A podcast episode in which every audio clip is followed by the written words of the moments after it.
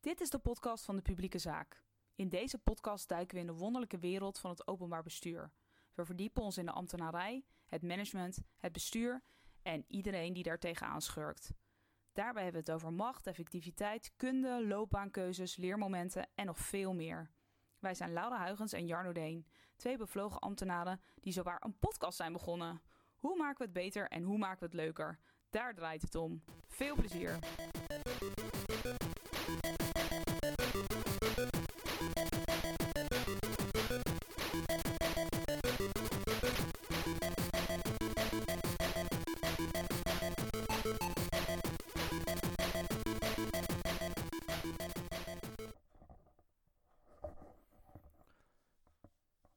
September van vorig jaar hadden we een leuk gesprek met Ruud Groot. Iemand die met veel passie het sociaal domein wil vernieuwen. Ruud legt uit hoe ons zorgsysteem is geworden wat het nu is en waarom extra geld niet simpelweg de oplossing is. Erg leerzaam. Deze is wat langer op de plank blijven liggen, excuses daarvoor, maar heel veel luisterplezier. Laura, alles goed?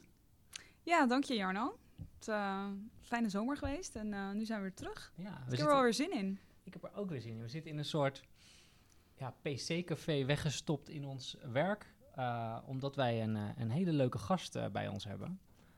Ruud Groot. Ruud, ik wil, jou even, ik wil even beginnen met een hele simpele vraag. Ik werd vanochtend wakker met allerlei berichten over, over protesten op het Malieveld.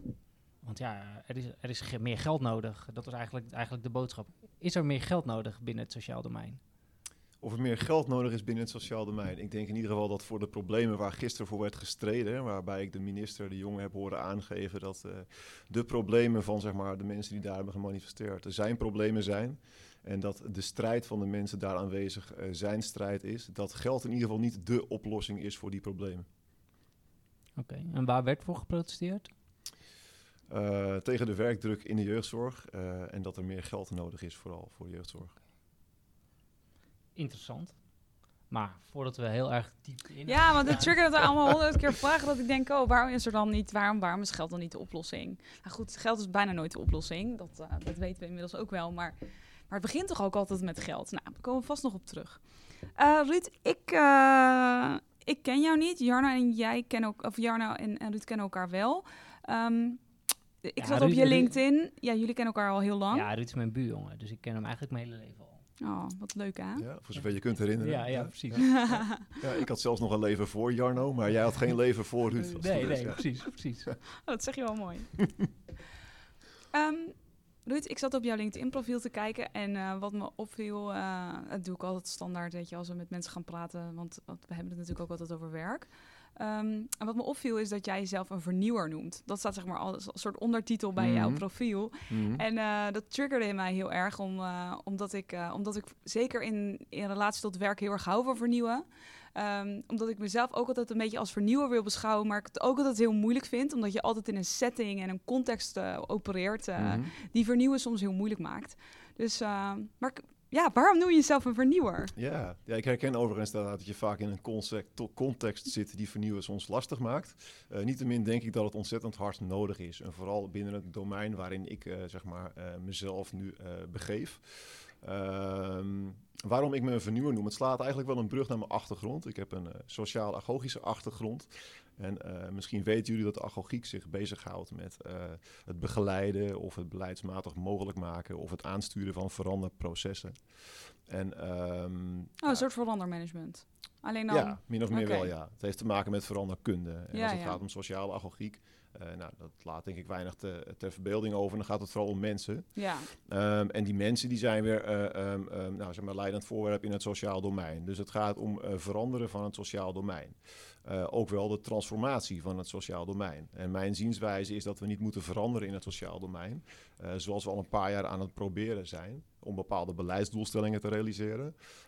Maar ik denk dat we moeten vernieuwen. Ik denk namelijk met veranderen doe je in feite dezelfde dingen anders.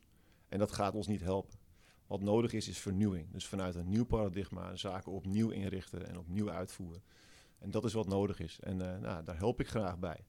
Vandaar dat ik mezelf eh, vernieuwer noem in plaats van veranderaar. Oké, en, en zien, weet je, je kunt, je kunt vinden dat iets nieuw moet. eh, je kunt tegen windmolens vechten. Of je Mhm. kunt ook dingen voor elkaar krijgen. Hoe heb je het idee dat, dat jouw geluid van vernieuwing dat dat ook aanslaat binnen de sector? Ehm, jawel, jawel. Ehm, ehm, en de afgelopen acht jaar, vooral aan de kant van eh, eh, eh, zeg maar de opdrachtgever. Hè? Ik heb de afgelopen acht jaar gewerkt als extern adviseur voor gemeenten, gemeentelijke samenwerkingsverbanden. En ik heb hen daarbij mogen helpen bij nou, het formuleren van een strategie, en beleidskaders. als zowel bij het realiseren daarvan. En dan is inkopen contractering is het sluitstuk eigenlijk van de hele oefening van strategie en beleid naar, naar realisatie. Eh, een vak apart, kan ik zeggen. Eh, en in die periode ehm, ehm, ja, is het wel gelukt om ehm, een bepaalde gedachtegoed zeg maar, te mobiliseren. Wat weer nodig is om keuzes te maken die daadwerkelijk faciliteren wat inwoners nodig hebben. Ehm, en wat is dan het vernieuwende? Nou, ik denk dat we gaandeweg de podcast daar wel, eh, eh, wel achter gaan komen. en dat je daarmee ook meteen antwoord hebt op de vraag waarom geld niet de oplossing is. Ja, nou, leuk. Leuk, leuk. Hey, laten we eens even eh, toch iets meer bij het begin beginnen, eh, als dat oké is. Ehm, wat is je achtergrond? Eh, hoe ben jij eh, tot vernieuwer gekomen? Ja, ik eh, ben eh, na mijn studie ben ik eh, begonnen eh, eh, eh, ja, eigenlijk in de klei als eh, jeugdhulpverlener. Ja, wat heb je gestudeerd? eh, SPH aan de Hogeschool van Amsterdam. Oké. En ehm, Wat leer je daar? je leert daar. Het is een heel op- ander soort op- opleiding dan, dan ik heb gedaan. Dus ik heb er eigenlijk niet zo'n heel goed beeld van. Ja, nou, destijds was het sowieso nog een aparte, aparte studie eh, binnen, eh, laten zeggen, het domein maatschappij en recht. Wat je tegenwoordig ziet is dat het steeds meer wordt geïntegreerd met andere sociale studies, als MWD of CMV. Dat zijn dan studies die meer gaan over destijds, in ieder geval hadden ze meer het karakter over het organiseren van. En SPH zat eigenlijk meer op eh, ehm, eh, het onderdeel uitmaken van die organisatie. Dus als het SPH gaat... staat voor Sociaal-Pedagogische Hulpverlening. Exact, dat klopt. Ja, ja, ja. Ja. En ehm, destijds, eh, eh, wa- wat, wat manifesteerde nu eigenlijk het verschil tussen die twee of drie studies? Eh, dat wanneer het gaat bijvoorbeeld om maatschappelijk werk en dienstverlening, dat je meer zat in de organiserende kant van, van, van die hulpverlening. En bij SPA zat je meer in, eigenlijk aan de, in, aan, de, aan de inrichtende kant van die hulpverlening. Dat, dat, dat kan dus zijn operationeel, maar dat kan ook zijn tactisch en dat kan ook zijn strategisch. Dus op micro, me- meso en macro niveau. En ehm, zo is die studie ook ingericht. Eh, in de drie zeg maar, leerjaren van de hoofdfase eh, was het eerste jaar gericht op het microniveau. Het tweede jaar op het mesoniveau, dus meer organisatieniveau. En het derde jaar veel meer gericht op het overheidsbeleid. Ja, ja. Eh, eh, dus op macroniveau. ja, ja. Wat vond je het leukst? Ehm, by far, drie. eh, Ja. Dus eh, overheidsniveau. en grappig genoeg heeft ook mijn eh, carrière een zeg maar, opwaarts parallel zeg maar, mee ontwikkeld eh, eh, als het gaat om die drie leerjaren. Dus ik ben begonnen in, tijdens mijn eerste leer- leerjaar. Ik heb een duale opleiding gedaan. Dat wil zeggen dat ik een relevante baan in het veld had tijdens mijn studie. En ooit begonnen binnen, de, ja, binnen de jeugdzorg als ja, pedagogisch werker binnen de justitiële kaders. Dus dat wil zeggen eh, voor kinderen met een, eh, met een maatregel. En in die periode had je nog zogenaamd civielrechtelijk en strafrechtelijk bij elkaar. Eh, dat mag sinds 2007 of 8 meen ik uit mijn hoofd, doe ik even niet meer. En wat betekent dat nu? Dat je kinderen die bijvoorbeeld een, ja, een, een delict hebben gepleegd, die krijgen daarvoor straf van de rechter. Ja. En die worden opgesloten. Je hebt ook kinderen die thuis wonen, eh, die thuis worden mishandeld. eh, en om hen te redden uit die situatie, werden die kinderen dus ook opgesloten. Dus in plaats van dat je de dader, zoals Oh, bij strafrechtelijk vervolgde kinderen, in de gevangenis zet, zet je hier dan eigenlijk de, De slachtoffers, slachtoffers, ja. naast daders in diezelfde gevangenis. Dat mag nu dus niet meer, maar dat Nee. was toen nog wel zo. Toen, toen, toen gebeurde dat nog, ja. Toen mocht dat ook nog. Ja. En wat ik merkte, was dat die kinderen die als slachtoffer waren, die kwamen niet eh, crimineel de gevangenis in. En ik heb er helaas best wel wat crimineel de Shocking. gevangenis uit zien, eh, zien gaan. Dus eh, en dat, shocking. ja, dat was shocking, ja. Ja, zeker. Nou, tel daarbij op dat het recidivepercentage op, eh, ik, ik ben in ieder geval boven de 90% lag. Ik denk wel zelfs op 98%. Merkte ik dat we, ik te veel aan de achterkant aan het werk was. Dus ehm, eh, met andere woorden, ehm, ehm, ik wilde eerder eh, in zeg maar, die keten wilde ik aan de slag om invloed uit te ja, oefenen. Echt zodat het- het, echt het- daar iets verandert. Of ja, ja. Het, pro- het probleem oplossen in plaats van de, eh, ja, de effecten managen. Ja, exact. Ja. Ja. Dat heeft me gebracht uh, in uh, de meer preventievere kant van, uh, van, van jeugdhulpverlening, in de ambulante gezinshulp. En dat heb ik een aantal jaar gedaan. Ehm, daar voelde ik mij al beter in mijn element.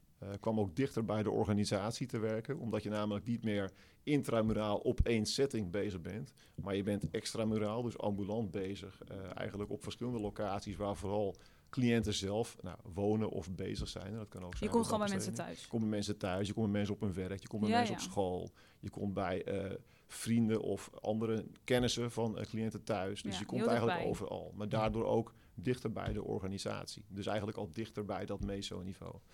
Uh, inmiddels zitten we dan in het tweede studiejaar, waarbij ik steeds sterker getriggerd raakte, ook vanuit hoe de organisatie sommige processen had ingericht. Daar had ik als beroepswerker last van.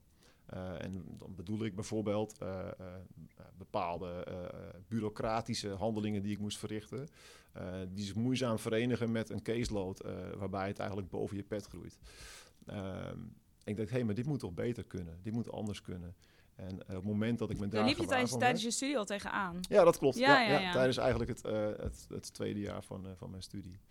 En uh, dat triggerde mijn, uh, ja, mijn uh, gedachte om daar invloed op uit te gaan oefenen al. Dus um, in dat tweede jaar heb ik ook een andere functie ben ik gaan, gaan bekleden binnen de thuiszorgorganisatie waar ik toen voor werkte. Meer op organisatieniveau. En ehm, tijdens dat jaar voelde ik me meer in mijn, in mijn sas. is ook het derde studiejaar ingegaan, waarin de focus zich veel meer op het overheidsniveau heeft gericht. En um, ja, kwam ik erachter dat, en dan spreken we inmiddels denk ik in 2010, dat vanuit VWS een, een, projectgroep was gelanceerd met de opdracht om een verkenning te doen voor bezuinigingsopgaven binnen de langdurige zorg. En ik kreeg mijn handen op een rapport daarvan. En daar ben ik in gaan kijken. En toen dacht ik, wow, dat was best wel heftig. Want dat had alle impact op onze core business. En de core business waar ik mee te maken had, was zeg maar, het voorzien van mensen van uh, bepaalde zorgfuncties uit de AWBZ. Dat was toen de langdurige zorgwet. Ja. Um, en dacht, dit heeft zoveel impact, hier moet ik iets mee. En toen ben ik me daarin gaan vastbijten. Ik heb een praktijkonderzoek gedaan naar uh, uh, de aankondiging van toen nog alleen maar de uh, ja, van, of de decentralisatie van de AWBZ. Wat later nog veel meer zou gaan worden, hè, ook jeugd, et cetera. En onderdeel van dat praktijkonderzoek was een internationale studie. En ik denk dat op dat moment bij mij het zogenaamde kwartje is gevallen en dat ik ben getransformeerd, hè, om dat begrip nog maar eens een paar keer aan te halen. En uh, zag ik in dat als er ooit invloed, uh, zeg maar, sfeer zou bestaan op het macroniveau, als er ooit op stelselniveau mogelijkheden zouden zijn om aan bepaalde touwtjes te gaan trekken, dan was het nu.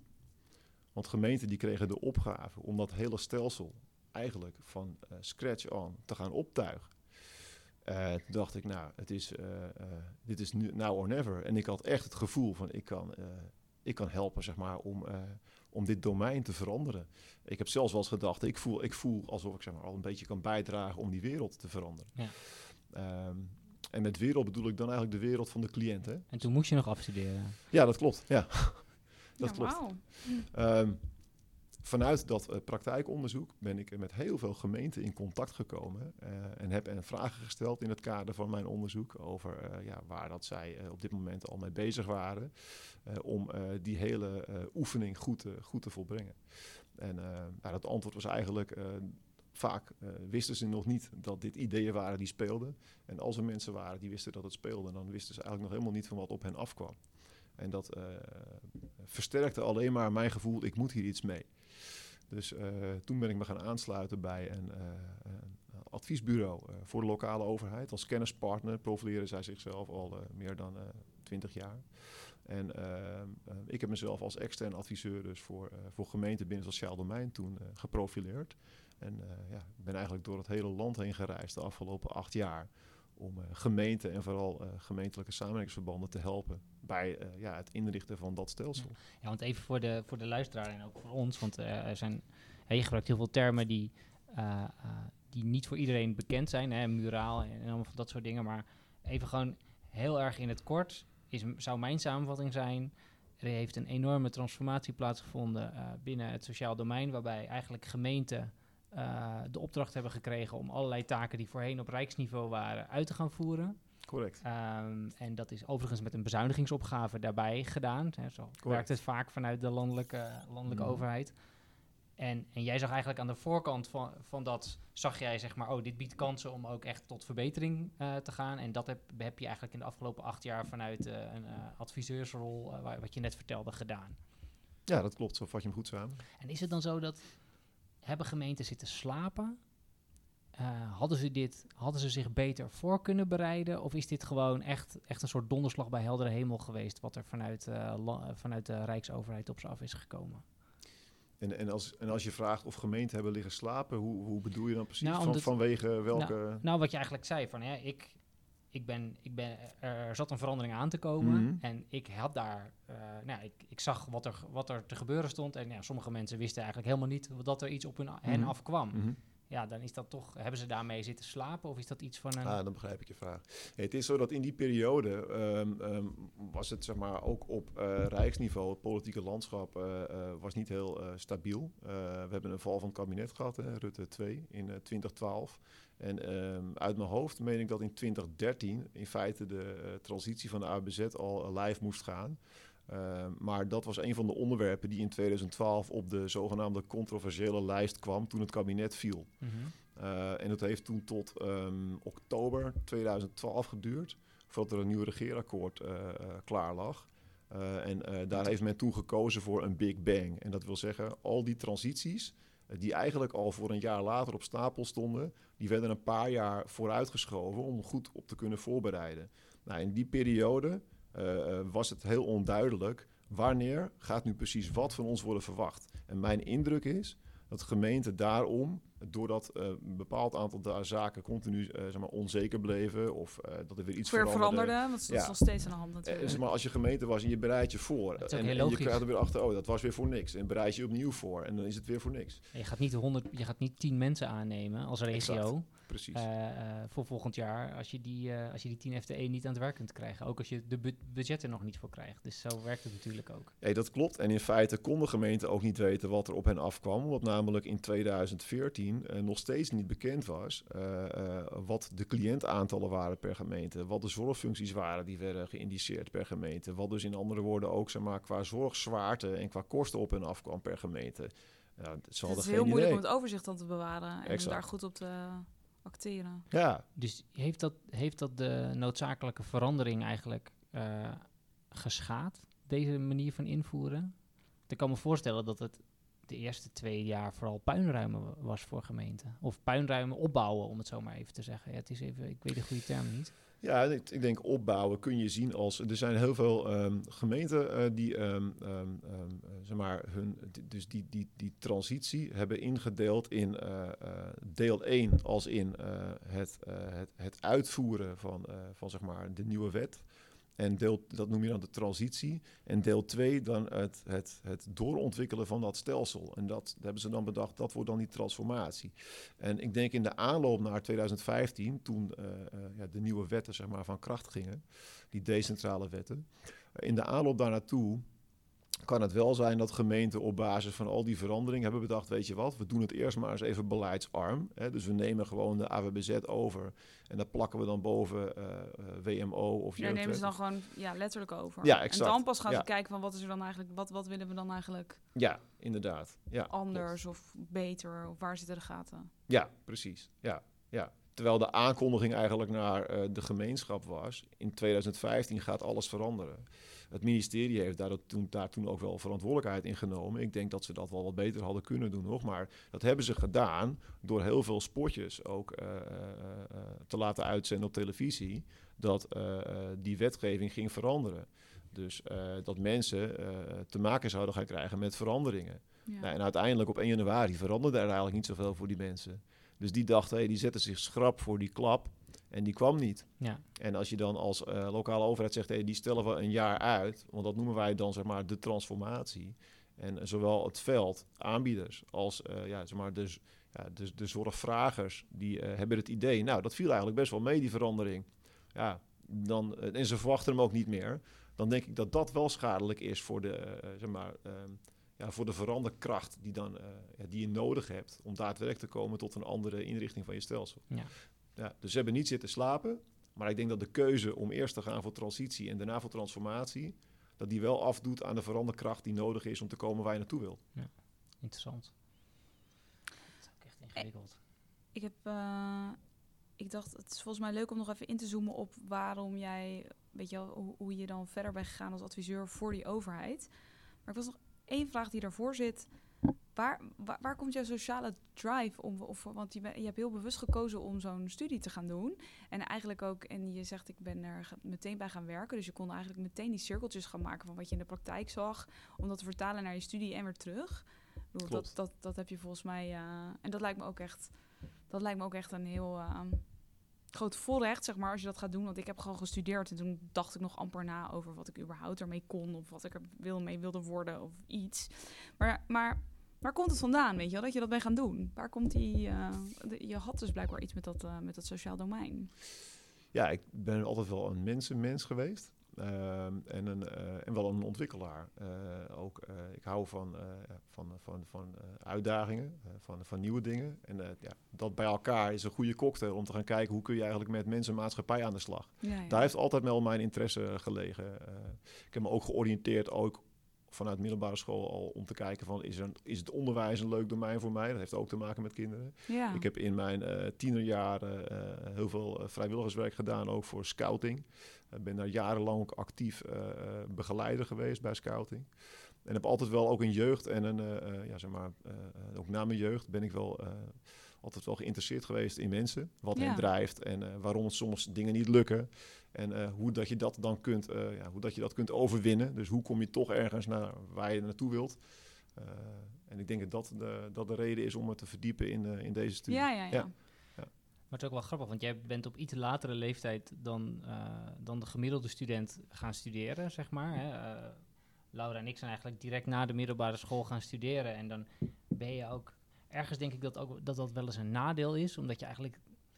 Ja, je gaat het doen en, eh, en je leert ook dingen, maar je bent nog niet zo bezig met wie je wilt zijn. Tenminste, dat, ik spreek nu even puur voor mezelf. En jij had al veel beter... eh, eh, ja, je bent iets, iets ouder begonnen met studeren en daarmee ook meer kon je die drive ook al gelijk inzetten. Denk je dat dat een voordeel voor je is geweest als, als je meteen na de middelbare school was gaan studeren? Ik denk dat je bewuster kiest voor een bepaalde richting. Eh, het is niet zo dat ik bij de start van mijn studie al had voorzien eh, dat dit mijn pad zeg maar, zou zijn. Eh, en dat ik op dit moment zeg maar, dan degene ben die, die hier bij jullie aan tafel zit. Ja. Ik geloof er wel in dat wanneer dat je wat later begint met je studie, ehm, dat, je, ehm, ehm, dat jouw jouw visie op het domein waar je je op richt, dat die al wel wat, ja, wat, dat die al wat volwassener is. Dat denk ik wel. Er zat, er zat wel, en er zat wel een aantal jaar. Er zit meer leven, klopt Ja, klopt. En het is ook een heel ander eh, eh, werkveld waar ik uit vandaan kom. Omdat ik na mijn studie, nou, waar sommige mensen, of veel mensen moet ik eigenlijk zeggen, na hun studie kiezen voor een sabbatical en gaan reizen. ben ik eigenlijk voor mijn studie gaan reizen. Zo heb ik het altijd wel ervaren, alleen dan betaald. Omdat ik een aantal jaren als internationaal chauffeur gereden heb. Zowel door eh, nou, Scandinavië als Oost-Europa, als Britse eilanden, als Zuid-Europa. Eh, in een periode waarin je nog geen mobiele telefoon had. Eh, internet was nog, nou, dat was echt nog science fiction. Eh, dus je bent ontzettend op jezelf aangewezen. En eh, nou, in, eh, ik kan je vertellen, in, in Groot-Brittannië kun je jezelf goed, goed uit de voeten, zeg maar, met Engelse taal. Maar toen ik de eerste keer aan een of andere Scandinaviër, die ik van zijn landbouwtractor afplukte om de weg te vragen naar, naar Stockholm, toen hij begon te praten, dan dacht ik, waar ben ik nu toch beland? Dus je bent ontzettend op jezelf aangewezen en eh, toch altijd om in de interactie met andere mensen samen te komen waar jij naartoe wilt. En eh, ik denk dat dat ook wel heeft bijgedragen aan de keuze om, eh, om deze studie te gaan volgen. Want na een aantal jaar kwam ik erachter. Ik heb wel veel van de wereld gezien, als van Europa in ieder geval, maar nog te kort van mezelf. En op een gegeven moment komt dat dan toch als een, ja, dat, dat is als een, eh, ja, als, als een duveltje uit een doosje komt dat er ineens uit. En denk ik, ja, oké, en, nu, en nu wil ik. En toen ben ik begonnen, ja. Ja, ik vind, dat, ik vind Leuk. dat zo tof. Ja, weet je, je hebt gewoon dat... eh, een van de eerste dingen die ik eh, na mijn eh, eh, afstuderen heb gedaan... ik werkte toen op de universiteit bij een eh, ehm, onderzoeksinstituut... wat onderzoek deed naar hoger onderwijs. En dat was een van die termen die ik daar toen heb gehoord... was leven lang leren. En het feit dat je eigenlijk... ehm, hoger onderwijs of middelbaar onderwijs, dat je dat soort dingen eigenlijk gedurende de, je hele levensfase moet aanbieden aan mensen. Omdat mensen altijd in staat zijn om, om zich weer verder te ontwikkelen. En na mijn afstuderen heb ik heel lang gedacht dat ik wel klaar was met ontwikkelen. Inmiddels ben ik wat ouder en uh, uh, heb je niet per se inhoud als ontwikkeling nodig. Het kan ook op andere zaken. Maar ik vond het wel mooi om bij jou inderdaad die, die doorontwikkeling te zien van iemand die inderdaad ja, uh, ook heel vaak weg was en, en op pad naar iemand die de boeken indook en opeens, waar opeens heel ander type gesprekken mee kon voeren. Ja. Nou ja, ik was wel getriggerd dat, dat, je, dat je, je, was dus heel erg ik hoor het een beetje zo dat je, je bent die studie gaan doen. En uh, omdat je uh, iets wilde betekenen voor mensen. Dat is dan even mijn vertaling. En je hebt die verschillende niveaus onderzocht. En je hebt heel dicht op mensen gewerkt. En uh, weet je wel, echt helemaal aan de achterkant ervaring opgedaan. Maar je komt steeds meer tot de conclusie dat als je iets wil veranderen... of als je het wil verbeteren... of dat je echt daadwerkelijk iets hè, wil transformeren of vernieuwen... dat je dan aan de voorkant moet zijn. En um, dat het begint met het overheidsbeleid wel, misschien... En toen heb je ervoor gekozen om voor een adviesbureau te gaan werken. En waarom ben je voor een adviesbureau gaan werken en ben je niet zeg maar bij zo'n overheid zelf in dienst gegaan? Want het is toch, ja. weet je, je zit er toch wat verder van af en je mm -hmm. kunt toch. Uh, ik weet ook niet hoe dat in de zorg zit hoor. Want ik heb ooit bij een adviesbureau gewerkt, maar dat meer op het gebied van bouwen en wonen. Mm -hmm. En uh, daar miste ik het af en toe, weet je, dat je die continuïteit, dat je af en toe advies geeft en dat je niet weet wat ermee gebeurt of dat het uh, uitgevoerd wordt daadwer mm -hmm. daadwerkelijk. Dat je er niet zelf echt mee aan de slag kan. Kan borgen dat het dat wordt. Ja, ik denk om meerdere redenen. Uh, de eerste is dat je als externe uh, uh, vaak meer en wat langer de veranderkracht zeg maar, hebt bij je draagt dan iemand die al langere tijd in dienst is van een bepaalde nou, of gemeente of andere werkgever. Daarnaast als externe haal je vanuit verschillende jeugdhulpregio's uit land. ik heb echt van, van Noordoost-Groningen via Zuid-Limburg in de regio West-Friesland gezeten. En ik ben uiteindelijk geland in Brabant. En via Haaglanden kwam ik dan terecht bij de stichting waar ik nu voor werk. Dus bij een aanbieder. Misschien kan ik daar dadelijk iets over meer over vertellen. Uh, neem je vanuit al die verschillende regio's neem je heel veel mee. En uh, wat is nu kenmerkend voor het sociaal domein? Uh, uh, en waar ligt ook de oplossing om te komen naar die transformatiedoelstellingen? In vooral culturele aspecten. En ik denk wanneer dat je als externe adviseur van al die, al die verschillende regio's allerlei verschillende um, opvattingen uh, en zienswijzen meeneemt, dan kun je die, die, kun je die heel goed gebruiken in verhouding tot wanneer dat je in één regio actief bent. Ja, dat vernauwt wel een klein beetje je blik. Ja, ja, dus dat is mijn keuze geweest, een motivatie om te gaan voor, voor een extern adviseurschap. Ja. Maar ik herken dat ook wel, want ik heb een tijdje bij Rijkswaterstaat gedetacheerd ja. gezeten bij mm -hmm. een hoogwaterbeschermingsprogramma. En wat ik daar vooral heb geleerd is hoe de verschillende uh, waterschappen of, of, en onderdelen van Rijkswaterstaat uh, aan het werken waren. En dat de ene het op de ene manier deed en de andere op de andere manier. En dan toen kwam ik terug bij waar ik nu werk. En dan ben je helemaal opgeladen eigenlijk met allerlei verschillende beelden en, en initiatieven. En dat, dat brengt je ook wel weer heel veel meer in de organisatie waar je dan werkt. En als mm -hmm. externe werk je natuurlijk altijd voor verschillende organisaties. Maar die brede blik, dat helpt wel. Ja, je kunt gewoon heel veel nou, organisaties vinden het soms moeilijk in de waan van de dag om over de grenzen heen te kijken en bij de buren. En jij neemt die blik natuurlijk gewoon mee. Dat is Klopt. wel heel waardevol. Ja, en dat kan ook soms minder bedreigend zijn. Hè? Omdat ik een externe ben, uh, ja. is dat soms wat minder bedreigend dan wanneer dat je... Uh, nee, jij kan wat dingen makkelijker opschudden. Ik hoef, ik hoef geen vrienden te maken. Ja, precies. Ja. Ja, ja. Want, want, een van de risico's die er wel is, is dat je bijvoorbeeld een prachtig rapport maakt... wat daarna vier jaar op de, op de plank blijft liggen. Mm -hmm. Heb je het idee dat, dat, dat, dat, bij, dat jij wel weer... Ook, dat je klussen hebt gehad waar dat het geval is geweest? Nou, het voordeel is dat ik vaak begon eigenlijk aan uh, de kant van strategie en beleid. En als je daar kunt helpen om kaders te formuleren en te laten vaststellen door je raad. Uh, uh, en naderhand uh, bleef ik dan vaak in een vervolgopdracht hangen. om ook daadwerkelijk alles wat in die kader staat te gaan realiseren. En dan kwam dus zo'n contacteringsprocedure, die kwam dan om de hoek kijken. En dan kun je ook helpen om ervoor te zorgen dat je overeenkomsten werft met aanbieders. die zo zijn ingericht dat je ook kunt, kunt doen wat je in feite aan je raad en aan je inwoners dus hebt beloofd. Ja. Um, en dat maakt wel een verschil tussen uh, hoe ik zeg maar, kijk naar uh, die jaren dat ik dat heb gedaan. En, en, en denk dus dat de rapporten niet ja, maar, werden ontvangen en in een bureaulade terecht zijn gekomen. in verhouding tot iemand die zich echt alleen maar bezighoudt met strategie en beleid. Maar dus niet checkt of kijkt of helpt hoe dat je dat in de uitvoering ook borgt. En daar zit wel een verschil in. En, en hoe dat je dat kunt doen, wat daarvoor nodig is, is ook wel een eigen kijk op waar nou de problematiek in dat domein vandaan komt. In dat jeugddomein, in het WMO-domein. En waar komt die problematiek vandaan? Ja, dat, dat heeft...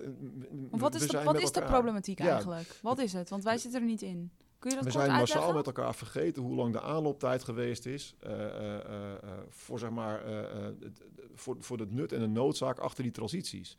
Uh, voor, uh, voor zeg maar, de transities hadden we een AWBZ en we hadden een wet op de jeugdzorg. Die AWBZ die ging in 1968 van kracht. In 2013 kwamen gemeenten echt in beweging om in 2015 klaar te zijn. Dus we hebben een aanlooptijd gehad van 45 jaar.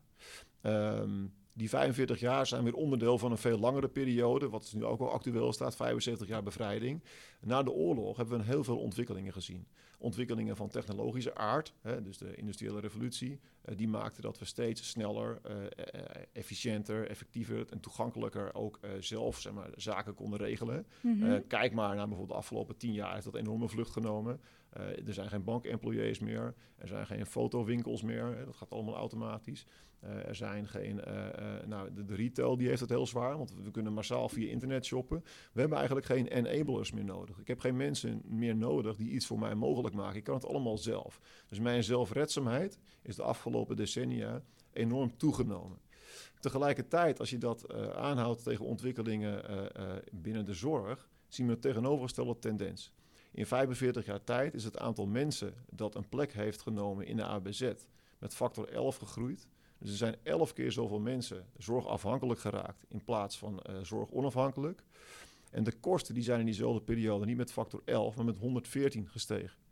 Dus we zijn elf keer zo, zo zorgafhankelijk geworden en we zijn 114 keer zoveel gaan betalen. Ten opzichte van vlak na de oorlog? Ten opzichte van 1968. Oh, toen het ja, wet begon. Ja, ja, ja. ja. Maar is, dan, okay. is, dat, is dat omdat um, dingen duurder zijn geworden? Of is dat omdat de, de systeemwereld... Uh, uh, ja, het heeft vooral te maken met hoe dat wij als samenleving kijken naar, uh, naar onze maatschappij. Toen in 68 die volksverzekering van kracht ging, was het een verzekering tegen onverzekerbare zorg. En dat betekent wanneer dat jij op leeftijd raakt en ja, je, je krijgt ouderdomsziekte, Uh, je zou kunnen zeggen, nou dat is wel aan te zien komen, want iedereen die ouder wordt krijgt op een gegeven moment een keer ouderdomsziekte. En we gaan allemaal een keer dood. Ja. Uh, maar in die laatste paar jaar van je leven, en het laatste jaar vooral, maak je enorm veel kosten. En die, die kan eigenlijk niemand zelf betalen. Dus in 1968 is er een volksverzekering voor opgetuigd. Die zegt, oké, okay, die kosten, die delen wij dus vanuit een solidariteitsbeginsel, delen wij die als samenleving. Ja. En dan ging het alleen maar om de verpleging en de verzorging die wij dus nodig hadden wanneer dat je in die laatste fase belandt. Ja. Op een gegeven moment heeft die AWBZ heeft er een zorgfunctie bijgekregen. En toen nog één bijgekregen. En toen nog één bijgekregen. En voordat we het wisten, hadden we ook ondersteunende begeleiding in de onverzekerbare zorg. En we hadden zelfs op een gegeven moment ook dagbesteding in de, on, in in de onverzekerbare zorg. En we hadden op een gegeven moment zelfs huishoudelijke hulp in de onverzekerbare zorg. Steeds meer mensen uh, die dus zien van hé, hey, uh, als het mij wat zwaarder wordt, uh, kan ik twee dingen doen. Kan ik of kijken hoe dat ik het zelf kan oplossen, of ik kan aankloppen bij die overheid die daar namelijk een oplossing voor heeft. Ja. Hè? Wij zorgen als verzorgingsstaat van de wieg tot het graf. Ja. En, en daar is het misgegaan. Dus de vraag is, uh, nee, eigenlijk is wat je zegt, er zit heel veel prima verzekerbare zorg in de onverzekerbare zorg. En dat is, daarmee is, ook, is het ontploft, zeg maar, qua ja, ja dingen die betaald moeten worden. Tijdens die uh, internationale studie heb ik gekeken naar. Uh, uh, ik had ook een aantal aannames hè, ten aanzien van die, die kostentoename. Kijk, het is logisch, want die geboortegolf na de oorlog die gaat nu massaal richting bejaardenhuizen. Nou ja, het tegendeel bleek waar. Het aantal mensen in bejaardenhuizen nam af. Nou, dat kan het niet zijn. Dan ben ik gaan doorkijken. Oké, okay, dat heeft dus mee te maken dat die AWBZ niet goed werd afgebakend. En dat er heel veel ingestopt werd. Iedereen had in principe dus... recht op zorg. En vanuit dat recht op zorg, ja, zie je wat er dan gebeurt. Gaan mensen ook meer zorg aanvragen. En op maar dan klinkt het alsof je er gewoon, alsof, dan klinkt het een beetje alsof de makkelijke oplossing is dat er gewoon dingen uitgegooid moeten worden. Uh, de eerste stap die ze En hebben gezet dus eh, meer- is om het af te bakenen. Eh, Ja. Ik denk dat, want de, de, de- ik heb mijn handen toegekregen op een internationale studie eh, naar zeg maar, de langdurige zorg in Nederland in verhouding tot andere landen. Ik ben ook gaan kijken naar bijvoorbeeld Zuid-Frankrijk. Daar is veel meer acceptatie om binnen het netwerk zelf te gaan zorgen voor bijvoorbeeld die ouders. En toen bedacht ik, me, ja, dat heeft ermee te maken dat ze daar bijvoorbeeld nog niet op twee inkomens werken, maar vaak nog op één. Of ze hebben daar sowieso is. De situatie is minder vergelijkbaar. Het is daar wat meer in ontwikkeling nog in het echte diepe zuiden. Dus toen ben ik gaan kijken naar wat ligt meer een beetje op onze level. Dat is dan, nou, kijk naar Duitsland. Ja. En Duitsland, die leverde toen 3,5 keer minder van hun bruto binnenlands product aan zorg dan Nederland. En ik heb nog daar wat eh, vragen gesteld en uitgelegd, maar hoe regelen jullie dan je huishoudelijke hulp? En ik heb het op verschillende manieren moeten proberen uit te leggen. Hoe regelen jullie dan je huishoudelijke hulp? Want dat zat hier in de onverzekerbare zorg. Ze snapt het niet. En op een gegeven moment toen het me lukte om uitgelegd te krijgen van wat ik daarmee bedoelde, ja, moesten ze ook lachen. Zo van oké, dus bij jullie heb je er recht op dat wanneer dat het wat zwaarder wordt, dat je dan naar de Dat overheid gaat, dat je gaat. aanklopt en je zegt, Ja. ik wil namelijk vanaf nu drie uur wil ik huishoudelijke hulp. Ja, dat heb ik al gedaan tijdens mijn studie. Werkte ik altijd in de thuiszorg. Nou, Dit ja. soort dingen. Ja. Maar dus kom je dat- bij allerlei mensen thuis. Ja, maar, ja. Maar, maar, dat, maar dat is dus een van de dingen waarvan je zegt in het buitenland zou dat nooit. eh, Is in, bijvoorbeeld in Duitsland is dat niet zo geregeld. Is het niet zo dat als, eh, dat als je eh, het niet zo makkelijk meer ter been bent of zo, dat je gewoon bij de overheid kan aankloppen, wat toen zo was. Eh, van joh, weet je wel, kan er Laura drie uur in de week komen om te helpen met poetsen? Nee, dat Wat klopt. ik deed. Dat klopt. Daar, Ja. had- daar was het idee, in ieder geval in die studie dateerde uit 2010. Eh, en toen was daar nog het idee, nee, kijk, de, de scope van zeg maar langdurige zorg was veel, eh, was veel nauwer. En als je dus problemen had op dat gebied, dan eh, eh, eh, was, het, was het de bedoeling dat je zelf keek in jouw netwerk hoe dat je dat opgelost kreeg.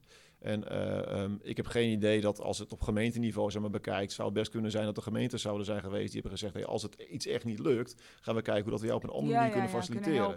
Maar wel veel meer kijken naar eh, eh, wat is zeg maar, de achterliggende oorzaak van het probleem. En eh, eh, in, bij ons was het toen al zo, en dat zie je nu helaas nog, en dat zal ik dadelijk uitleggen, dat het niet gaat om wat is de achterliggende oorzaak van een probleem, maar hoe kunnen we die symptomen zeg maar, gaan bestrijden. Nou, dus er waren twee dingen nodig. In eerste instantie destijds eh, afbakenen van die langdurige zorg. Dus inderdaad eh, eh, eh, die functies, zeg maar, toename stoppen. En de tweede stap was dan om te kijken hoe kunnen we er dan ook voor zorgen dat die toestroom gaat, minder gaat worden. Nou, dat hebben ze gedaan door bijvoorbeeld eh, eh, in die periode als jeugdige, dus als jij bijvoorbeeld 11 jaar oud, 12 jaar oud was, in aanmerking eh, wilde komen voor hulp, had je daarvoor een psychiatrische grondslag nodig. Anders kreeg jij voor een bepaalde zor- zorgfunctie vanuit die ja, heb ik best geen wel aandacht gekregen toen. Nou, en Ja. wat gebeurde er in die periode? Het aantal kinderen met eh, een eh, eh, psychiatrische diagnose, als bijvoorbeeld ADHD of PDD-NOS of MCDD of ODD of ADD, alles met een D van disorder, dat aantal kinderen, dat is echt explosief gegroeid. En eh, je zag ook dat het aantal psychiaters opwaarts parallel groeide met diezelfde beweging. Eh, eh, en daarnaast zag je dat de kostentoename, ja, die bleef ook gewoon eh, groeien. Dus dit is niet de goede oplossing geweest. Dat is inderdaad een systeeminterventie geweest om ervoor te zorgen dat je op papier in ieder geval maar doet wat nodig is om voor zo'n indicatie in aanmerking te komen. En natuurlijk eh, zullen er, zal een, een, een gedeelte van die groep destijds, die zal daadwerkelijk bekend zijn met bepaalde psychiatrische problematiek. Maar mijn stellingname is dat in die periode ook heel veel werd gediagnosticeerd eh, op een manier waarvan ik zelf denk, hmm, is het nu daadwerkelijk zo dat eh, het gedrag eh, of zeg maar de Ja, psyche gewoon van om, zo'n kindje... aan te, aan te, te- om voor, voor geld in aanmerking te komen. Ja, ja. Dus ehm, een stempeltje nodig. om, dus. om, om voor een indicatie in aanmerking Ja. te komen. En, en als je, hoe verklaar je nu bepaald gedrag? En eh, als je hem systemisch verklaart, zou je kunnen zeggen: hey, eh, iets functioneert niet. Hè? Een bepaald kindje laat deviant gedrag eh, zien in een setting. Gaan we dan kijken hoe dat we dat kindje kunnen indiceren? Dus eigenlijk in eerste instantie met een psychiatrische diagnose kunnen toerusten om voor een indicatie in aanmerking te komen. Of gaan we kijken hoe dat we die context kunnen, kunnen aanpassen? Eh, maar en wat bedoel je dan met hoe kunnen we die context aanpassen? nou, is het zo dat je iets eh binnenin, zeg maar, dus de interventie moet richten op het gedrag van dat kindje? Of moet je gaan kijken hoe dat je eh, de, de setting waarin dat gedrag zich manifesteert gaat aanpakken? En dan kom je eigenlijk ook op mijn, op mijn visie op het sociaal domein en waarvan ik denk dat daar de oplossing ligt. En dat is dat je niet kijkt naar een interventie op het zowel levensgebied als het gedrag waar een bepaalde stoornis zich manifesteert. Maar dat je moet gaan kijken naar het levensgebied en het gedrag van eh, de context die dat probleem triggert. Ik ga een concreet voorbeeld geven. Eh, stel je eens voor, ehm, ehm, je hebt een kindje die zeg maar moeilijk, ha- moeilijk hanteerbaar is eh, in een bepaalde klas op school. Mhm. En de leraar of lerares die trekt aan de bel en zeg maar, de bal komt in beweging. Ja. En voordat je het weet is er een tekort, aan, tekort aan aandacht. En voordat je het weet is er dus een aandachtstekortstoornis. En voordat je het weet eh, is er een diagnose. En als die diagnose er is, is er extra hulp. Eh, maar er heeft in die hele cirkel nog niemand gevraagd, maar hoe gaat het eigenlijk thuis? En het kan best zijn dat thuis de boel enorm gespannen is, omdat er sprake is van financiële problematiek. En als er sprake is van financiële problematiek, neemt enorm het stressniveau thuis toe. En dat stressniveau dat kan er weer toe leiden dat papa en mama ruzie hebben, et cetera, et cetera. Dan ligt de oorzaak van het probleem helemaal niet in het gedrag van het kindje. Maar het gedrag wat het kindje laat zien, dat heeft Is wel causaliteit. Exact, Ja, ja, precies. Het lijkt een beetje op wat eh, in onze podcast met, eh, met Koen hadden we dat ook. Hè? Die, ja. die wilde heel erg eh, in het sociale domein zoiets als eenzaamheid. Ja, dan kun je... ehm, Je kunt iets bedenken. om, om dat zeg maar ja, te mitigeren of, of iets met zeg maar te doen. Maar eigenlijk moet je die oplossingen gaan ja, identificeren en daar moet je je beleid op inzetten. Nou, hij, zijn, zijn pleidooi was ook heel erg... eh, eh, heb, je zijn, heb je die Ja, zeker. Ja, geluisterd? ja. Ehm, hij heeft zo'n heel proces doorlopen, zeg maar, in de gemeente waar hij werkzaam is, om zeg maar al die, eh, om de maatschappij, zeg maar, of mensen gewoon, zeg maar, uit de mensen over wie het gaat, elkaar te laten interviewen en daar een hele analyse van te maken. Maar zijn pleidooi was vooral van, we maken, geen we maken geen goede analyses.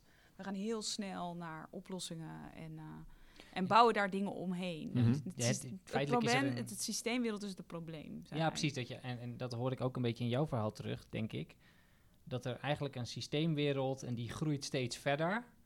Eh, eh, en dat, ja, dat, dat, dat gaat als het ware vanzelf, want dat heeft budget nodig. En dat, ik zeg niet dat het, weet je, we hebben het ook niet over die ene casus van jou. We hebben het over alle casussen bij elkaar. Er zijn altijd natuurlijk eh, gevallen waar dit, waar dan niet, eh, waar echt iets aan de hand is, om het zo maar even te zeggen. Of waar, waar dat wel nodig is. Maar ja, het systeem houdt zichzelf op een of andere manier in stand, heb ik het idee. Klopt dat? Ja, dat klopt. En dat komt doordat namelijk het, paradigma niet verandert. Zolang wij blijven kijken op een manier van eh, problematiseren en waarin zeg maar, het, het, het te leveren product centraal staat in plaats van wat er nodig is om iemand van A naar B te helpen, gaat het ook niet veranderen. En, en, en soms bij wet ook onmogelijk om dat te veranderen. Ik ben wel een keer op mijn vingers getikt toen ik een moeder sprak eh, die een kindje had met een, eh, eh, met een gedragsstoornis. En die moeder die vertelde, Ruud, ik, ik, ik ben er stellig van overtuigd dat ik op deze planeet de beste persoon ben om mijn kindje do- door die stoornissen maar te begeleiden. En ik geloofde haar ook. Dus hartstikke pinter. Die zaten er gewoon goed in thuis, alles stabiel. En dat kindje had gewoon bovengebruikelijke zorg nodig. Wat ertoe leidde dat andere zaken in huis eh, ja, zeg maar begonnen te stapelen. Eh, bijvoorbeeld het huishouden. Ja. Nou, ehm, en heb ik gezegd, weet je wat we proberen? Dan eh, zetten we bij jou niet een orthopedagoog in om jouw kindje te behandelen, maar dat doe jij zelf. En dan zetten we, ja, in plaats daarvan zetten we dus iemand in die jou kan helpen Ja, bij je huishouden. huishouden. Ja. En toen kwam de wetgever mij op de vingers tikken aan meneer Groot, maar dat mag niet. Namelijk, de causaliteit ligt in het kindje. Eh, het probleem komt vanuit, het, dat, dat zit hem in het kindje. Dus de, de indicaties op het kindje. En daar mag je geen huishoudelijke hulp voor inzetten, want die is nog onder de 18. En bij wet mag dat niet. Dus eh, nou, dat is het systeem wat dus belemmert om überhaupt te gaan nadenken over hoe dat je een ander paradigma kan gaan uitvoeren. Want Maar dat heb je op scholen inderdaad toch ook met... Nou ja, je hebt het ook met dingen als dyslexie, toch? Dat je eindelijk... Dat je moet er eerst soort van een hele weg door... voordat je kind de, het labeltje dyslexie krijgt. En dan komt er extra geld vrij. En dan, krijgen ze, dan mogen ze grotere letters en zo eh, bij een toets. Terwijl als je het al weet, weet je al... dat als je al merkt dat een kind grotere letters nodig heeft... Ja, maar dat kost dan meer tijd. En dat kost meer tijd om te printen en geld. En dan kan dat niet. Dus dan kan je dan... Maar als je ziet... Nou, ik weet niet. Dit zijn volgens mij heel veel van dit soort voorwerpen... waar je als, eh, als soort leek, een soort van stijl achterover slaat. Dat je denkt, waarom is dat allemaal nodig? Ja, maar en, en, die, en tegelijkertijd zijn de etiketjes ook altijd fijn. Dus wat je ook altijd hoort is dat mensen etiketjes ook fijn vinden. Hè? Want mensen weten niet wat er met hun kind aan de hand is. Dus als er dan een etiketje op zit, dan heeft iedereen een soort van het gevoel dat er een verklaring is en dan kunnen we er wat aan doen. Terwijl dat de vraag is of het zo werkt. Ja. Zo van, ja, weet je, als, als we weten dat jij een gedragsstoornis hebt, dan heb jij een gedragsstoornis. Nou, dan kunnen we, dan kunnen we je Mhm. helpen. En ik Ja, is respecteer, dat zo? Ik, ik Ja. respecteer mensen die, eh, die, die, die, die daar baat bij hebben. Hè? Dat ik Ja, kan me dat gerust ik, ja. voorstellen als jij maar continu het idee hebt van... Nou ja, er is iets, er is iets aan de hand, maar ik weet niet wat. Nee, en op dat een gegeven snap moment, ik ook heel op een goed. gegeven moment weet ik van, krijg ik van iemand eh, die, daar, die daar verstand van heeft verteld... Nou, dit is er met jou aan de hand. Oké, nou, ik, ik respecteer als sommige mensen daar baat bij hebben... maar het, het hoeft niet per definitie iets te zeggen over de manier dat we daar als samenleving... eh, zeg maar hulp in stoppen. En dat is wat nu wel gebeurt. Want Ja. wanneer dat jij een bepaalde beperking hebt... eh, dan is het nog steeds zo dat je op basis van die beperking soms in aanmerking komt voor specifieke productcodes. Die zijn gecontracteerd door gemeenten bij aanbieders. En die zijn dus al voordat je er erg in hebt, zijn die al aan het nadenken over welke delen van die productcatalogus Ja, bij jou, zijn- jou, bij jou eh, door de voordeur naar binnen gaan komen. Terwijl jij helemaal überhaupt nog geen hulpvraag hebt gesteld. Nee. Want namelijk, de eerste vraag moet zijn, wat is je hulpvraag? En ik ben er pertinent van overtuigd dat heel veel inwoners met een hulpvraag echt geen flauw idee hebben wat een hulpvraag is. Maar wij Nee. zijn er meteen op aan het duiken om er zorg in te stoppen. En soms ook echt gewoon eh, te dure zorg. En dat heeft twee gevolgen. Het eerste is dat je kosten blijven oplopen. En het tweede is dat je mensen zorgafhankelijker maakt in plaats van Zijn zorgonafhankelijker. we gewoon verslaafd aan zorg? Eh, nee, het systeem, wat je net zegt, eh, die houdt zichzelf in die zin in stand. En het zorgt ervoor dat je ehm, in plaats van mensen emancipeert, mensen afhankelijk maakt. En eh, het, het, het, het kan niet zo zijn dat wij op papier eh, eh, elf keer zieker zijn geworden en dat we 114 keer zoveel geld nodig hebben, terwijl we tegelijkertijd op plek 5 staan van de gelukkigste jeugdigen ter wereld.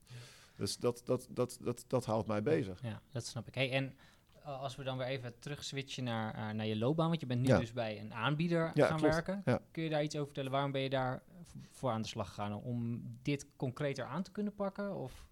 Ja, ik merkte dat na acht jaar... Waar eh, werk je? Ja, bij Stichting CNLO, eh, gevestigd in Amersfoort. Eh, Wat doen zij? landelijke aanbieder, Ja? voornamelijk gericht op mensen met een verstandelijke beperking of mensen met een lichtverstandelijke beperking. Het verschil daartussen is, bij een lichtverstandelijke beperking moet je denken aan een IQ vanaf ongeveer 80, 85 en bij een verstandelijke beperking daaronder.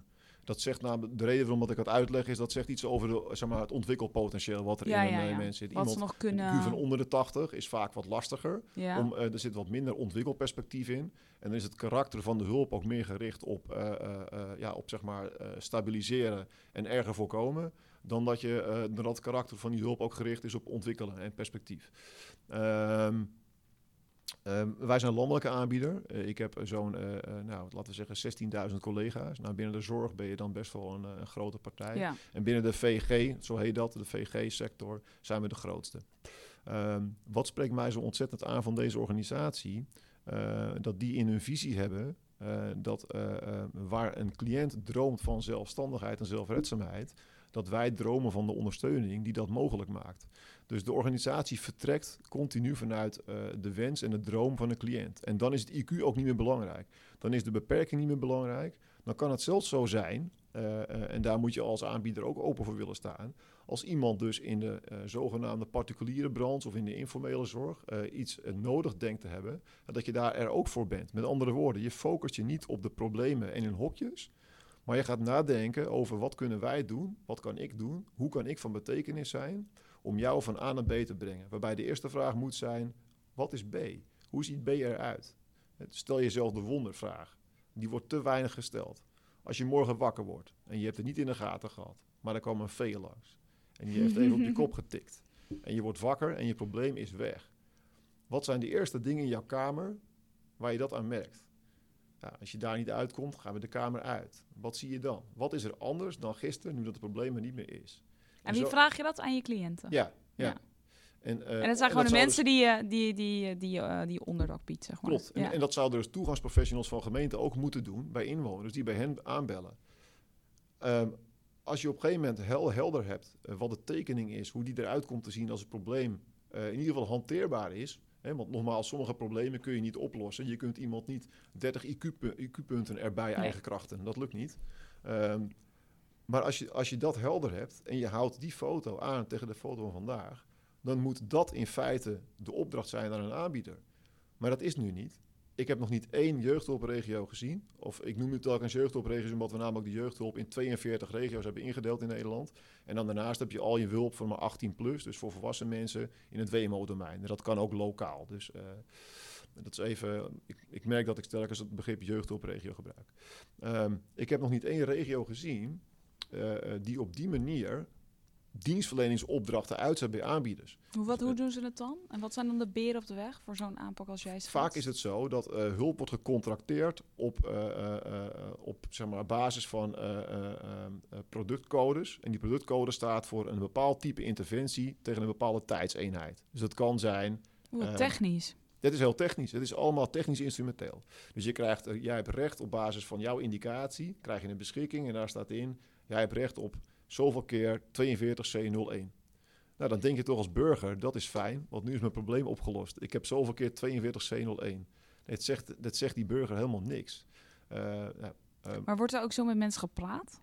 nee, hoe met mensen Want wordt dat is natuurlijk niet... Ik kan me voorstellen dat dit een soort van de technische... Of dit is, de, dit is het, die systeemwereld waar we het over hebben, die Mhm. erachter zit. Een soort van Mhm. het raamwerk en de, regels en de kaders... waar- waar, de, waar de hulpverleners Mhm. of de mensen... Nou, ik weet niet of ik dat goed zeg. Maar vooral gewoon de mensen die ermee moeten werken... Mhm. eh, in, in moeten werken, mee Mhm. moeten werken. Het verschil zit hem in, ga je iets technisch uitvragen? En dat is een beetje inkoopjargon. Eh, eh, dus uitvragen betekent gemeenten hebben te maken met wet en regelgeving op het gebied van inkopen. Zij moeten Ja. die hulp inkopen bij zorgaanbieders. En daarvoor moeten ze voldoen aan bepaalde wet en regelgeving.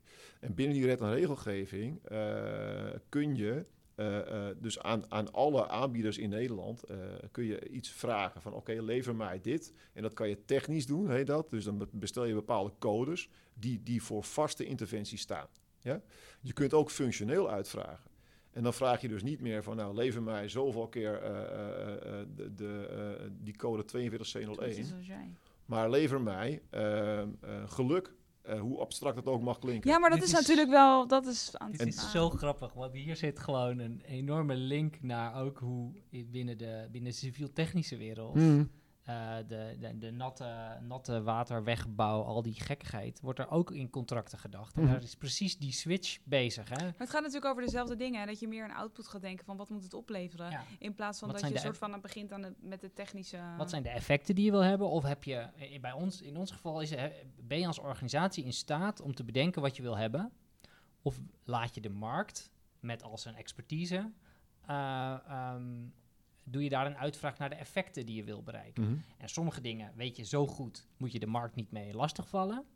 Eh dat kun je dus eigenlijk redelijk gestandaardiseerd doen. Maar sommige dingen heb je geen idee. En kun je dus veel beter eh, naar effecten toe gaan. En er is een hele school die zegt dat je altijd naar effecten toe moet gaan. Ja, dat is, ik denk dat dat per. Maar is dat dan aan het veranderen? Want ze Ja, zijn nu meer aan het gaan aan... Ja, Want dit- jij zegt, je kunt ook uitvragen op bijvoorbeeld op geluk. Geluk is natuurlijk Mhm. iets... Ik vind geluk altijd heel leuk, maar...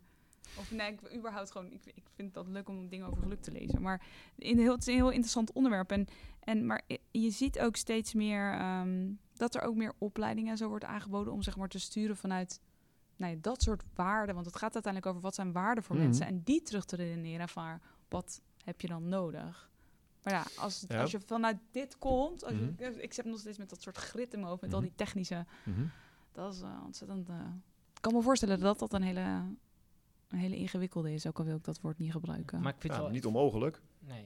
Maar ik vind het wel interessant om te horen dat het. En dat vind ik ook het leuke van deze podcast natuurlijk. Is dat je in een compleet andere hoek van deze samenleving. Waar wij met z'n allen allemaal ons best doen om het sociaal domein op een bepaalde manier vorm te geven. Heb je ook die bestuurders die je op een bepaalde manier moet betrekken. Maar heb je dus ook gewoon met inkoop te maken. En spelen tot op zekere hoogte dezelfde discussies en dezelfde processen als die in andere hoeken spelen. Ja. Heb jij in die zin nog een. Ja, een tip is niet echt een goed woord, maar van hoe ga je daar nou op een goede manier mee om? Zeg maar die systeem, die inkooptechnische wereld die ook steeds belangrijker wordt versus ik zou eigenlijk op geluk willen sturen, Mhm. want dat is denk Mhm. ik beter voor deze Mhm. organisatie. Hoe kun je daar, hoe kun je daar, hoe probeer jij dat te managen? Ja, hoe dat ik heb gedaan, zeg maar, dan weer eerst even reflectie op een periode als gemeentelijk adviseur en dan even de vertaalslag naar mijn huidige beroepspraktijk.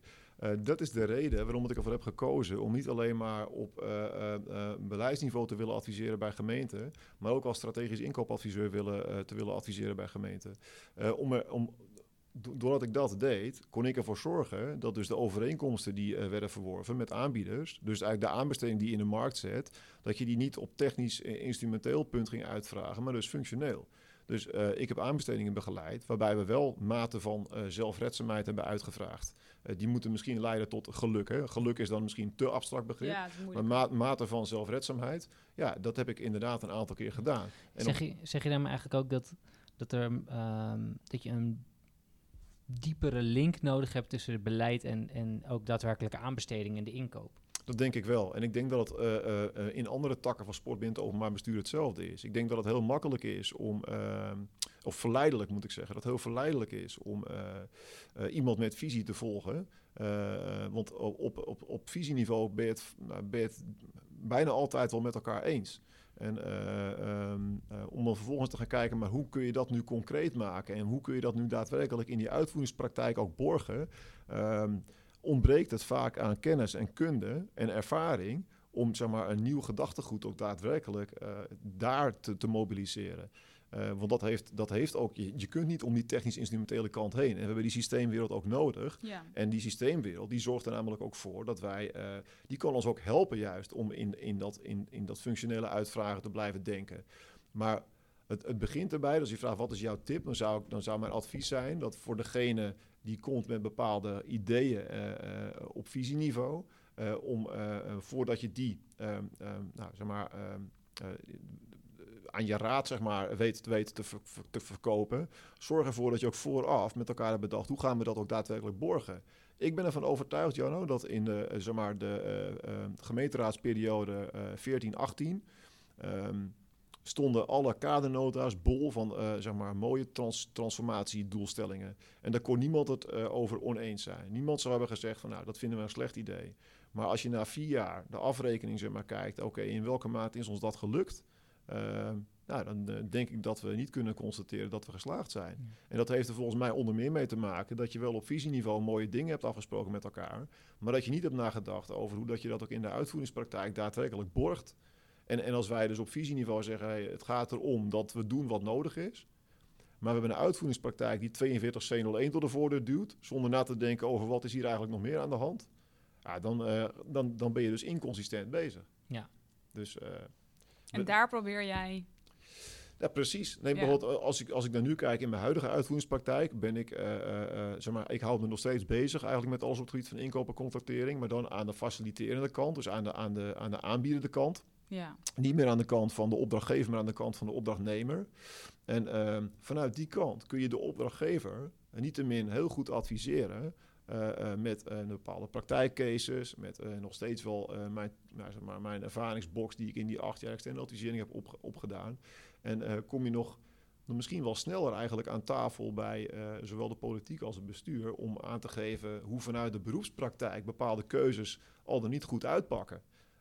En daar heeft het vooral te maken met de achterliggende oorzaken achter een bepaalde manifestatie van problemen. Uh, wat nu wordt gedaan, vooral door de politiek, die zijn heel erg beheersmatig aan het sturen op financiën. En bijna iedere raad, we zitten nu natuurlijk tegen de begroting aan hè, van gemeenten, ja. die willen weten hoeveel we, we volgend jaar kwijt zijn aan, die, aan, die, aan het sociaal domein. Ja. Dat weet je niet, want er kan namelijk van alles gebeuren waar je geen grip op hebt.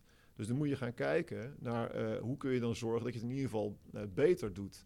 Uh, en dat je, uh, uh, dat je zorgt dat die doelstellingen die je met elkaar hebt afgesproken door inwoners dus eigenlijk beter in hun kracht te zetten, ook daadwerkelijk organiseert. Ja, dus een raad zou eigenlijk op geluk, geluk moeten sturen in plaats van op euro's. Ik denk dat een raad moet worden geholpen uit de gedachte dat je überhaupt te maken hebt met een domein wat maakbaar is. Stop daarmee. Pak die andere visie op en, en spreek ja, met elkaar het af. Is geen, het is niet een domein dat maakbaar is. Absoluut niet. Nee, absoluut niet.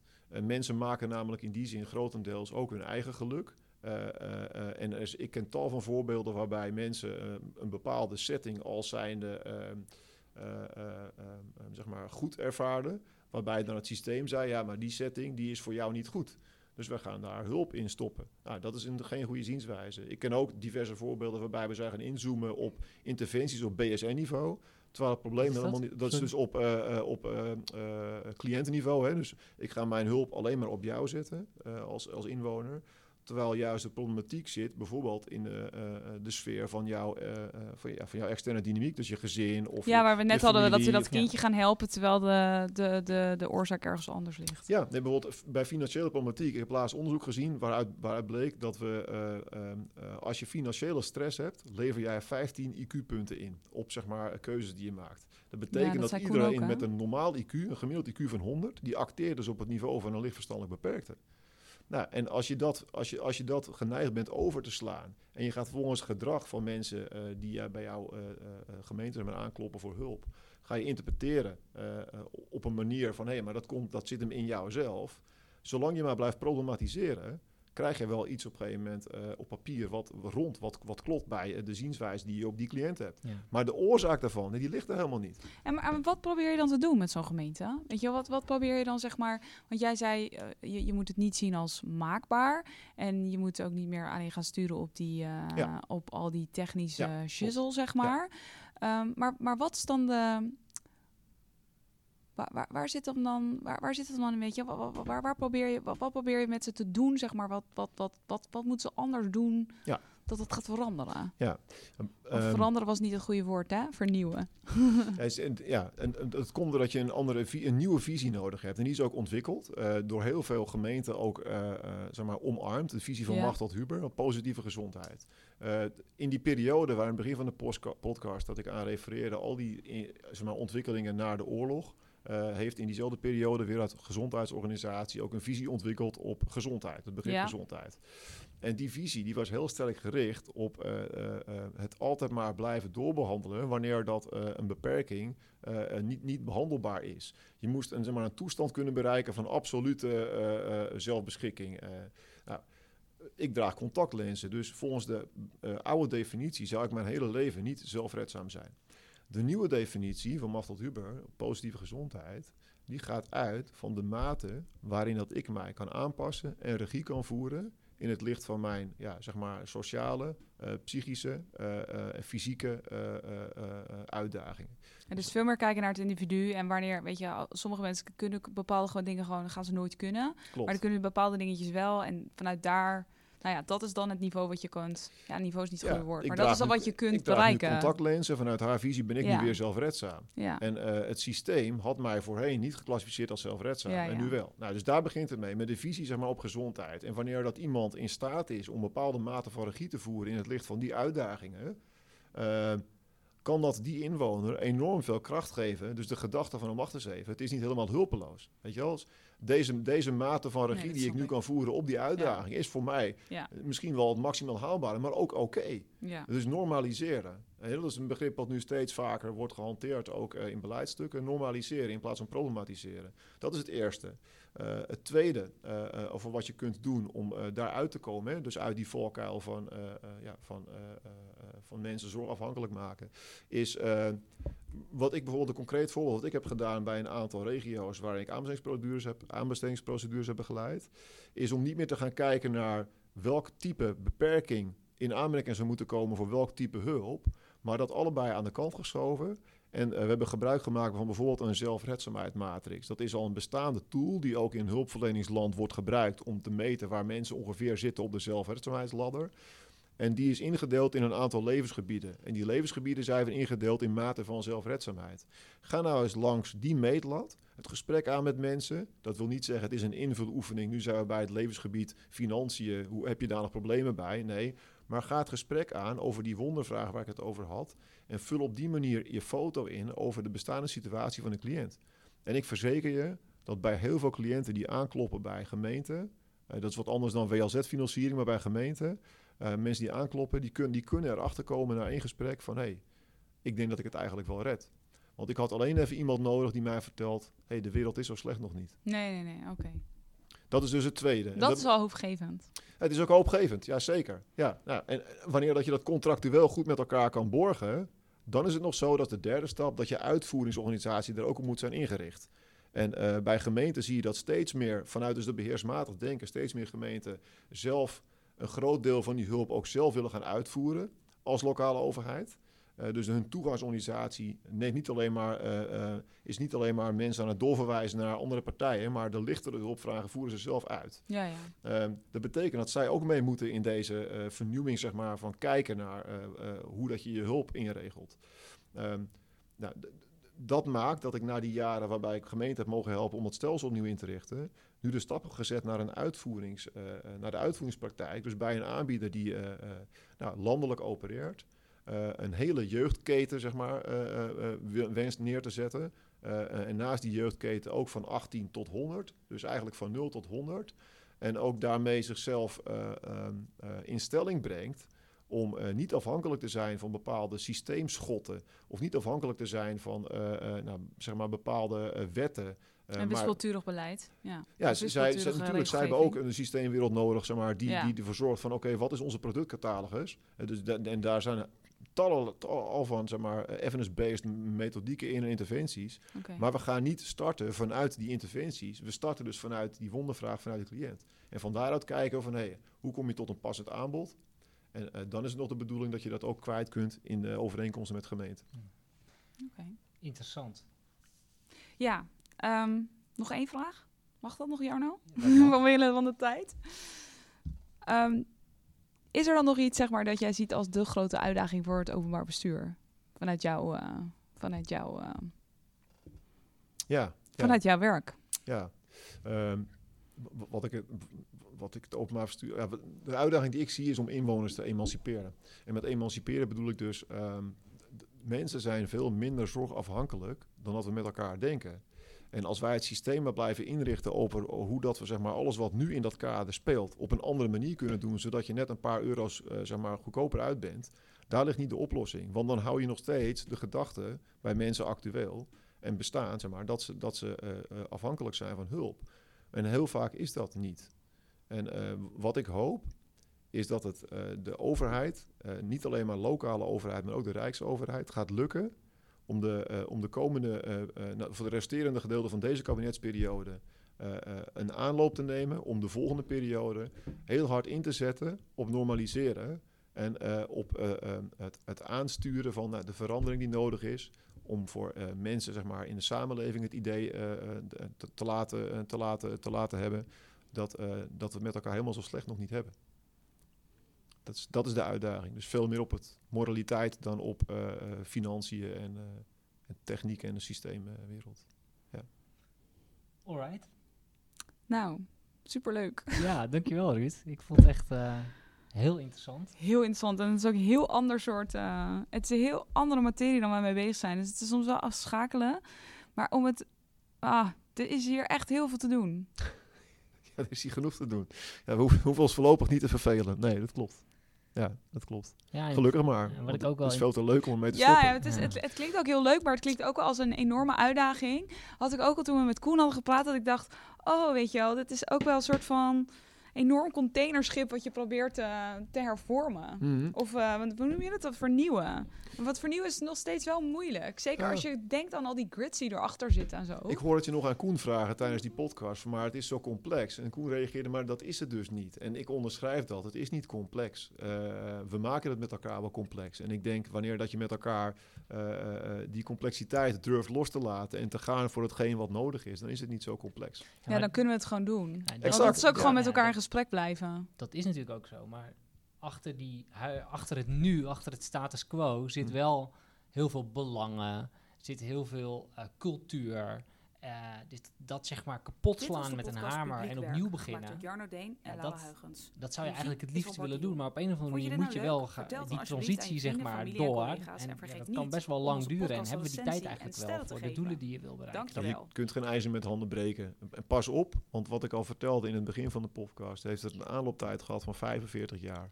En eh, eh, Dus het zit heel diep. Ja, als iemand denkt dat je dat in vijf jaar, en nou, we zijn nu eigenlijk vier jaar onderweg, in vier jaar kunt turnen, eh, eh, nee, dat gaat niet lukken. Nee. Dus hier zijn we nog wel een paar jaar mee bezig. Dankjewel Ruud. Jullie ook bedankt.